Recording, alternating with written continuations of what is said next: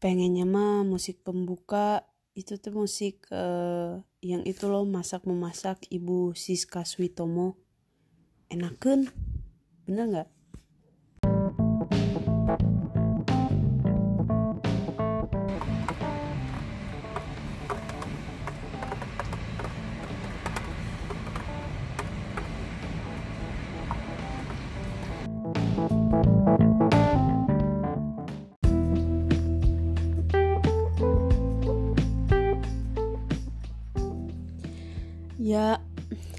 teman-teman sebangsa dan setanah air yang berada di Indonesia dan di mana pun kalian berada.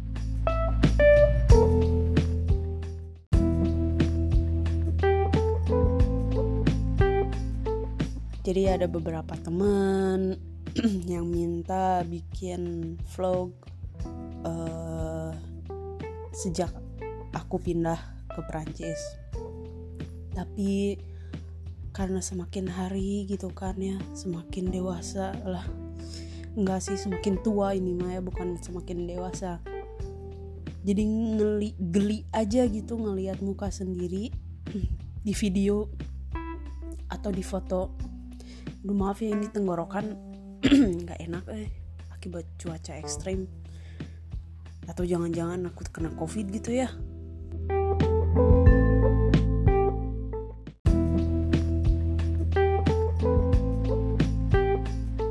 gitu jadi geli sendiri ngelihat muka eh, di video atau di foto gitu. Sekarang tuh makin jarang selfie gitu kan. Bukannya minder atau apa-apa ya minder sih. Ya gimana? Kalau sudah menjadi ibu rumah tangga penampilan tidaklah menjadi nomor satu. Karena sudah payu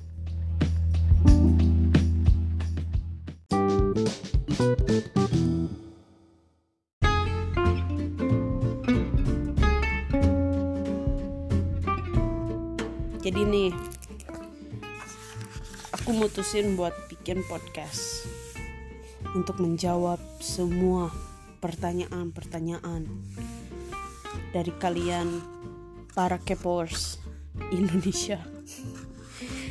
eh, aduh bingung eh ngobrolin apa ya? Sempet nanya di Instagram gitu banyak yang nanya, kebanyakan mah nanyanya makanan. Makanan gimana? itu teh apa nasi gimana? Kamu nggak makan nasi? Itu daging apa?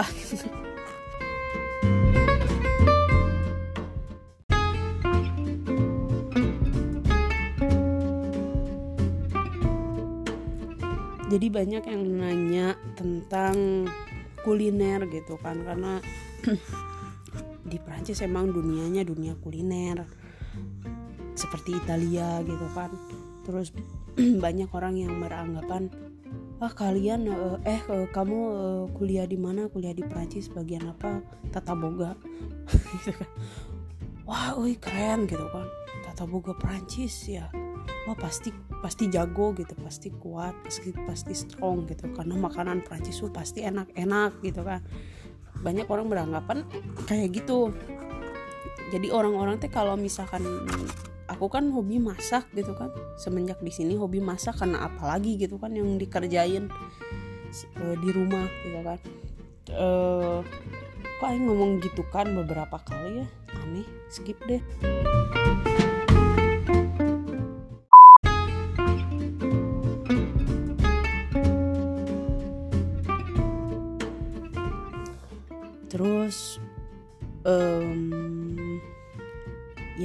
juga sih yang nanya banyak yang nanya itu pakai apa itu masaknya pakai apa des? Kalau pas aku lagi masak uh, masakan Perancis gitu kan uh, udah kayaknya enak uh, itu apa namanya bahannya apa daging apa gitu. Kalian tuh benar-benar suspicious gitu kalau misalkan aku mau ada daging-daging itu daging apa isi desi sana?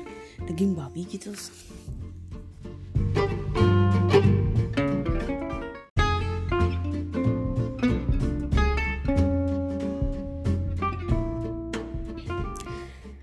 ya jadi banyak orang yang kepo lebih ke makanan ya wajar gitu kan. Apalagi orang Indonesia eh apalagi orang orang Bandung yang banyak banget jajanannya. Kalau bisa sih kita tukeran aja gimana? Kita tukeran posisi kalau aku mah lebih milih diam di Bandung sih sebenarnya kalau buat makanan. Oh diam di Indonesia. Gak tahu selera lidahnya mungkin udah benar-benar selera lidah Indonesia gitu. Jadi ya aku juga suka sih makan makanan Eropa gitu makan makanan Prancis kespesialnya tapi di sini tuh FYI aja. Makanan di sini pasti daging terus dikasih garam dikasih lada lada bubuk gitu kan. Terus kalau nggak dipanggang dipanggang di oven ya di barbecue udah aja gitu. Terus ada lagi daging daging utuh tuh ya yang dipanggang di barbecue gitu kan. Dipanggang satu jam dua jam gitu mereka tuh senangnya kayak gitu. Terus ada lagi eh, kalau enggak daging yang dipotong-potong gitu dadu dimasak. Ya gitu pakai pakai garam pakai apa lada bubuk. Uh, terus pakai bawang bawang bombay gitu kan. Terus dimasukin ditambah air sampai mendidih. Udah gitu dikasih wine dikasih anggur merah. Udah gitu apalagi ya sayuran. Terus dimasak 3 jam. Terus ada juga yang dimasak sampai pagi gitu sampai paginya tuh di, di, di dimasak gitu kan di dibiarin di kompor pakai api kecil sampai besoknya gitu. Itu tuh namanya apa sih daging burginyong namanya. Uh, emang pakai wine tapi nggak bikin mabuk sih. Karena si kandungan alkoholnya tuh pergi gitu. Maksudnya nggak ada lagi kandungan alkohol di di si supnya itu karena udah dipanasin kan jadi menguap gitu loh.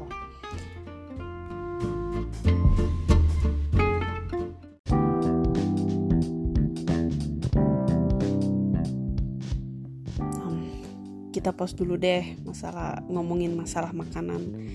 Aku kasih satu lagu berbahasa Prancis spesial. Ngomong kita ngomongin makanan Prancis kalau kalian gak ngerti liriknya tidak apa-apa. Karena tujuan dalam musik itu adalah menikmati. Jadi nikmatilah. Tara! terus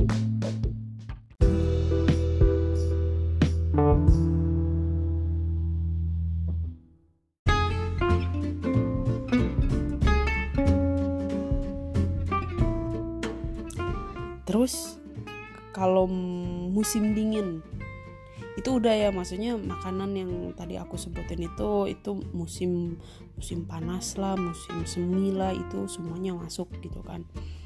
Karena e, kebanyakan sih kalau musim panas orang sini itu barbekyuan. Jadi sate-sate gitu nyate gitu tapi nggak pakai tapi nyatanya beda gitu kan. Cuman daging dipanggang gitu doang udah gitu kalian uh, kita makannya uh, ditambahin uh, apa garam sama lada bubuk gitu di sesuai selera gitu. Pakai sausnya saus itu loh apa mustard itu. Kalau enggak ya pakai mayones gitu udah aja. Gitu doang simple. Pakai kentang gitu udah cuman gitu doang gitu. Nggak ada sambal nggak ada apa aduh. Nah, terus kalau misalkan musim dingin, di sini tuh menunya itu-itu aja. Apa pun nama menunya, apa pun macam menunya, bahannya itu-itu aja. Kenapa itu-itu aja? Nih ya, aku sebutin satu-satu. Uh, ada yang namanya makanan disebutnya apa ya? Lalu lupa. Udah lupa soalnya musim dingin tuh setahun yang lalu ya uh, istilahnya pasti tuh aku sebutin bahan-bahannya dulu deh. Pasti tuh selalu ada kentang. Selalu ada krem. Uh, selalu ada keju. Dan selalu ada apa lagi ya butter. Udah itu aja. Jadi apa pun makanannya apa pun menunya selalu ada bahan-bahan itu.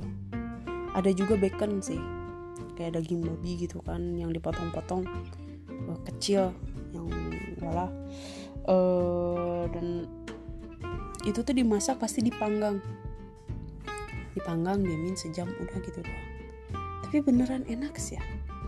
Aku nyobain gitu ya kentang pakai krim terus pakai daun kol yang putih warna putih terus pakai ini pakai telur rebus. Jadi telurnya direbus dipotong dua udah gitu di, di, dicampurin gitu sama si bahan-bahan yang tadi. Terus pakai krim gitu. Oh dan bumbunya ya pastilah cuman garam sama lada bubuk doang. Nah udah itu dimasukin kan ke si platter maksudnya ke si apa yang buat ngepanggangnya itu tuh kotak gitu kan masukin campur semuanya ke situ. Nah di atasnya sebelum dimasukin ke oven itu mereka uh, apa nyimpen eh uh, mereka tuh nambahin keju utuh bulat gitu kan sekitar diameter 15 cm oh nggak terlalu gede 10 lah istilahnya 10 ke 12 gitu. Mereka potong dua ke tengah dari tengah potong dua. Udah gitu disim, di, ditaruh di atas si menu tadi sebelum dimasukin ke oven. Nah satu jam kemudian kan jadi meleleh tuh si kejunya. Dan itu tuh keju yang gak asal nggak sembarang keju kayak keju craft di kita gitu. Ini tuh keju yang bener-bener baunya strong banget sampai kal kayaknya kalau makan nggak dicampur sama si sama si kentang sama si masakan tadi itu nggak bakalan enak buat aku. Tapi buat mereka itu enak banget gitu. Semakin keju itu busuk semakin enak katanya gitu. Tapi kalau aku menggeluh jujur. Baunya itu seperti bau pesing. Bau pesing di Tegalega saat kamu jalan pagi-pagi pokoknya jijik deh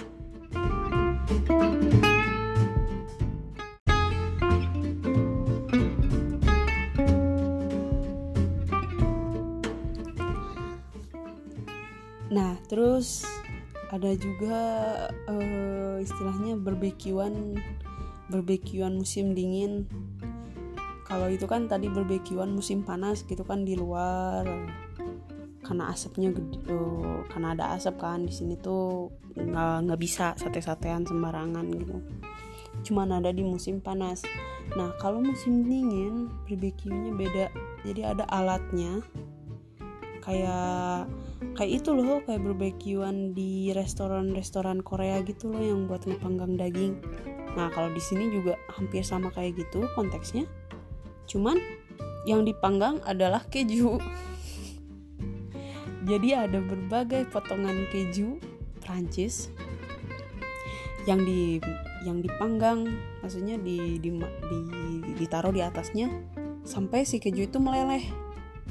Nah udah gitu di, di meja kalian maksudnya di, di meja di piring kalian di, di piringnya itu ada beberapa potongan macam daging nah setelah si keju yang lagi dipanggangnya itu meleleh kita tuh ngambil diambil terus di apa disiramin gitu di atas di atas dagingnya. Begitu dimakan.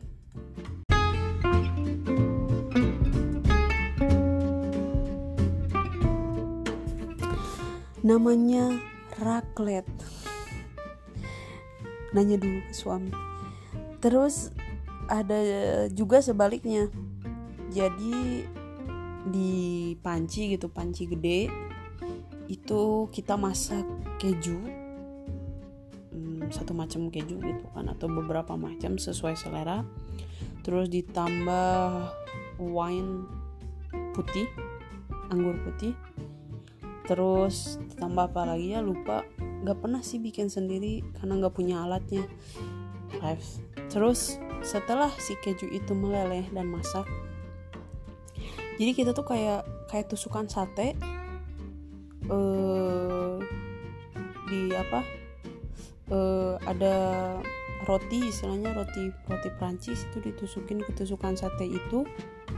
Nah terus dicelupin ke si apa ke si keju yang tadi yang di ada panci rame-rame gitu kalau nggak kalau nggak apa kalau nggak roti ya daging gitu.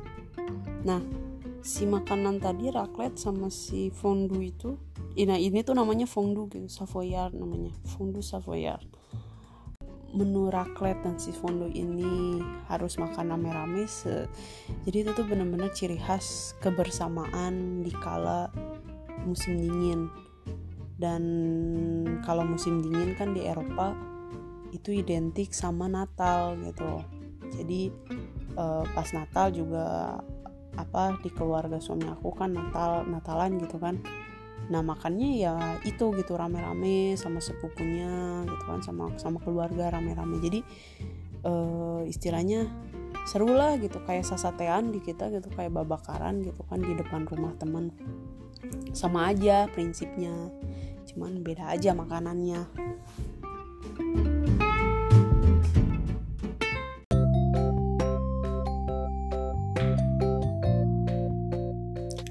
Jadi lagu ini itu menceritakan sebuah percintaan segitiga. Sebenarnya bukan percintaan segitiga sih. Karena di awal-awal si liriknya itu pantun. Pantun yang artinya hari ini hari yang cerah. Uh, langitnya langit berwarna biru. Saya punya teman laki-laki dua dan dua-duanya kekasih saya. Mantap gak tuh?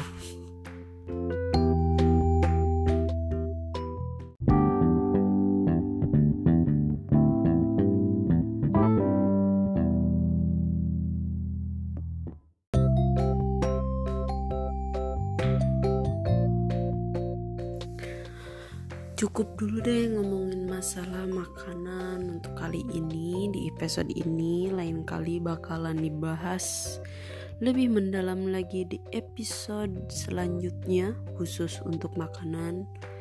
Gimana uh, cara masak atau gimana cara dapetin makanan makanan-makanan Asia? Bagaimana cara mendapatkan Indomie?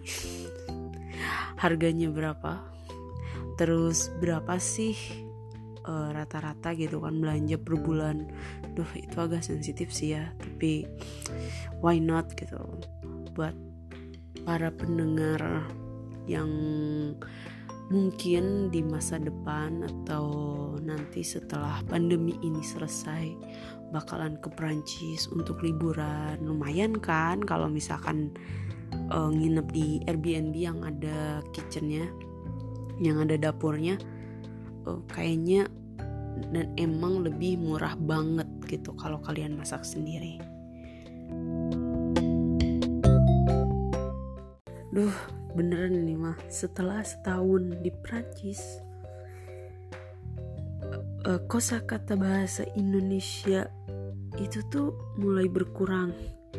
Jadi mohon wajar mohon diwajarkan kalau aku ngomong agak sedikit aneh gitu karena benar-benar uh, tiap hari itu pakai ngobrol pakai bahasa aksen Fransi aksen bahasa uh, Prancis mungkin ada sedikit bahasa-bahasa Sundanya tapi gimana ya aku kalau ngomong bahasa Indonesia pasti logatnya bahasa Sunda tidak bisa dipungkiri dan tidak bisa diganti.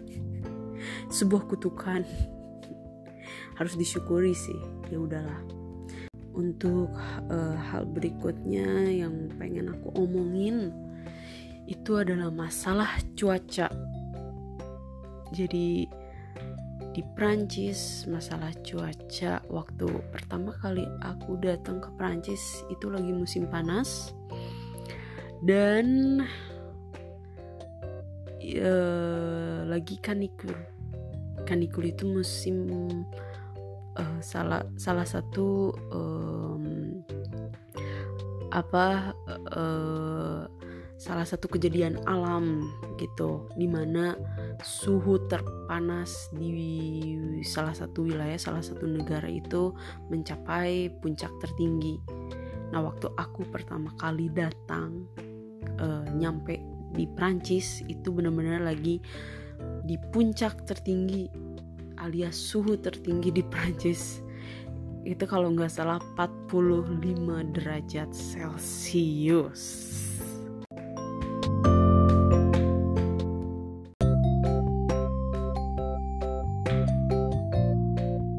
Setelah itu muncullah musim gugur. Di situ agak oke okay, dingin. Oke dingin uh, sekitar 20 derajat lah dari awalnya 30-an ke 20-an gitu. Uh, terus di situ masih fine fine aja. Tapi bener-bener yang namanya hujan itu bener-bener seminggu gak berhenti. Bener-bener gak berhenti sama sekali. Dan banjir. Maksudnya banjir nggak nggak banjir seperti di Bala Endah gitu tapi banjir di tempat-tempat yang memang di se sekitar area yang ada sungainya yang ada ada area apa uh, danau kayak gitu. Dan tenang aja di di sini tuh dekat-dekat sungai nggak ada pemukiman warga gitu. Beda lah istilahnya cuman ya kena jalan apa jalan raya masih kena dampak dari si banjir ini terus macet gitu itu aja sih. Tapi di sini tuh banjirnya gak sampai jika sampai kita orang sini ngebutuhin jasa perahu gitu untuk menyeberang gitu. Kalau nggak harus melepas sepatu untuk menyeberang seperti yang saya alami. Kaget sih masalahnya uh, ya panas gitu. Cuman karena biasa di Bali kali ya kena cuaca panas-panas pantai gitu. Jadi aku ngerasa nggak terlalu panas bener-bener panas tapi ya panas juga sih gitu. Apalagi pas di dalam kereta setelah setelah keluar dari bandara itu kan naik kereta ya dari Paris ke Nantes ke kota tempat uh, aku tinggal sekarang. Itu tuh naik kereta 3 jam itu tuh kereta super cepat gitu kan. Tapi masih tiga jam. Dan di dalam kereta itu benar-benar panas. Dan semua orang yang ada di dalam kereta itu ngeluh karena nggak ada AC guys. Kayak aneh aja gitu. Masalahnya di sini tuh AC itu nggak nggak bukan budaya. Di sini tuh nggak ada yang namanya AC gitu dulu gitu. Tapi semakin ke sini semakin banyak orang yang di rumahnya uh, nge, apa uh, masang AC gitu. Dan itu tuh hal-hal yang baru gitu di sini. Kecuali mungkin di selatan Prancis gitu yang yang lebih panas suhunya. Nah waktu aku pertama kali datang itu musim panas gitu. Nah setelah musim gugur muncullah musim dingin. Dan di sini suatu krisis. Saya ingat benar dulu keras banget hidup. Mau ke Jatinangor dari Balai Endah terus banjir. Terus lagi UTS gak bisa gitu nggak bisa di cancel gitu kan karena lagi UTS ya mau nggak mau lepas sepatu naik delman. Aduh bener aku nyerita cerita ini ke suami. Dia dia nggak percaya dia tuh selalu nggak percaya pada hal-hal ekstrim yang ekstrim yang pernah aku lakuin di Indonesia. Sempet krisis cuaca buat aku gitu. Um, di sini tuh dingin terus aku kan di Indonesia bawa baju ya seadanya aja gitu kan nggak mau menu-menuhin menu-menuhin apa koper gitu. Baru kerasa lah punya baju eh gak punya baju ding gak punya baju musim dingin gitu. Terus ya mau nggak mau jadinya akhirnya beli gitu kan. Terus dikasih sama ibu mertua juga gitu ibu mertua aku baik baik banget. Terus dikasih apa jaket kayak gitu gitu cuman emang bener baju musim dingin emang mahal gitu kan. Jadi kayak nyesek banget gitu beli beli baju musim dingin yang mahal yang baru gitu. Terus aku sempat mikir duh tak kalau tahu kayak gini mending ke gede bage belanja baju musim dingin. 30 ribuan dapat. Terus ya di musim dingin pasti orang-orang ngomongin gimana deh ada salju enggak? Ada salju enggak? Ya sayang sekali saudara-saudara sekalian teman-teman sekalian di sini sudah tidak ada salju. Nggak tahu sih ya tahun ini. Cuman kalau menurut suami itu udah beberapa tahun semenjak dia masih kecil itu pernah ada salju turun salju gitu di kota aku yang termasuk dingin sih gitu kan daerah dingin. Tapi ya nggak bersalju pun uh, apa namanya si jalanan itu apa ya disebutnya kayak ngebeku gitu loh. Aku ngeliat kayak daun-daun itu kalau pagi hari si tanaman-tanaman gitu yang masih hijau itu ada es-es yang ngebeku di seluruh di semua tanaman itu. Jadi kelihatannya putih gitu. Seakan-akan bersalju gitu tapi nggak ada salju itu cuman ngebeku aja. Cuman setelah itu jarang banget sampai satu kali per lima tahun itu pun nggak tentu. Terus ya udahlah gitu kan. Ya gitu. merasa kecewa.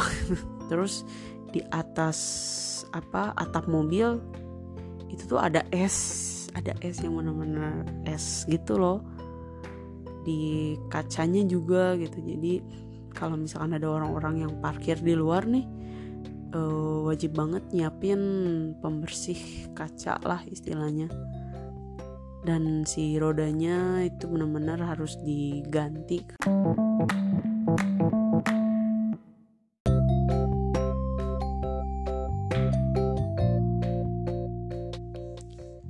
Ini tuh lagi rekaman tapi di luar lagi ada badai. Badai musim gugur. Jadi setiap musim itu ada badainya guys. Nah ini tuh sekarang badai musim gugur pertama. Uh, nama badainya badai Alex. Terus di bagian selatan Prancis tuh aku ngeliat berita uh, lagi ada banjir bandang gitu loh. Yang banjir gitu air turun dari dari atas gunung gitu ke bawah sampai motong jalan sampai ngehanyutin rumah dan ngejatuhin banyak korban juga sih lumayan.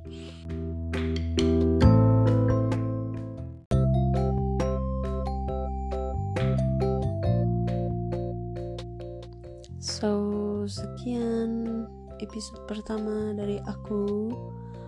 Uh, next episode mungkin bakalan di pertengahan minggu atau mungkin di next weekend.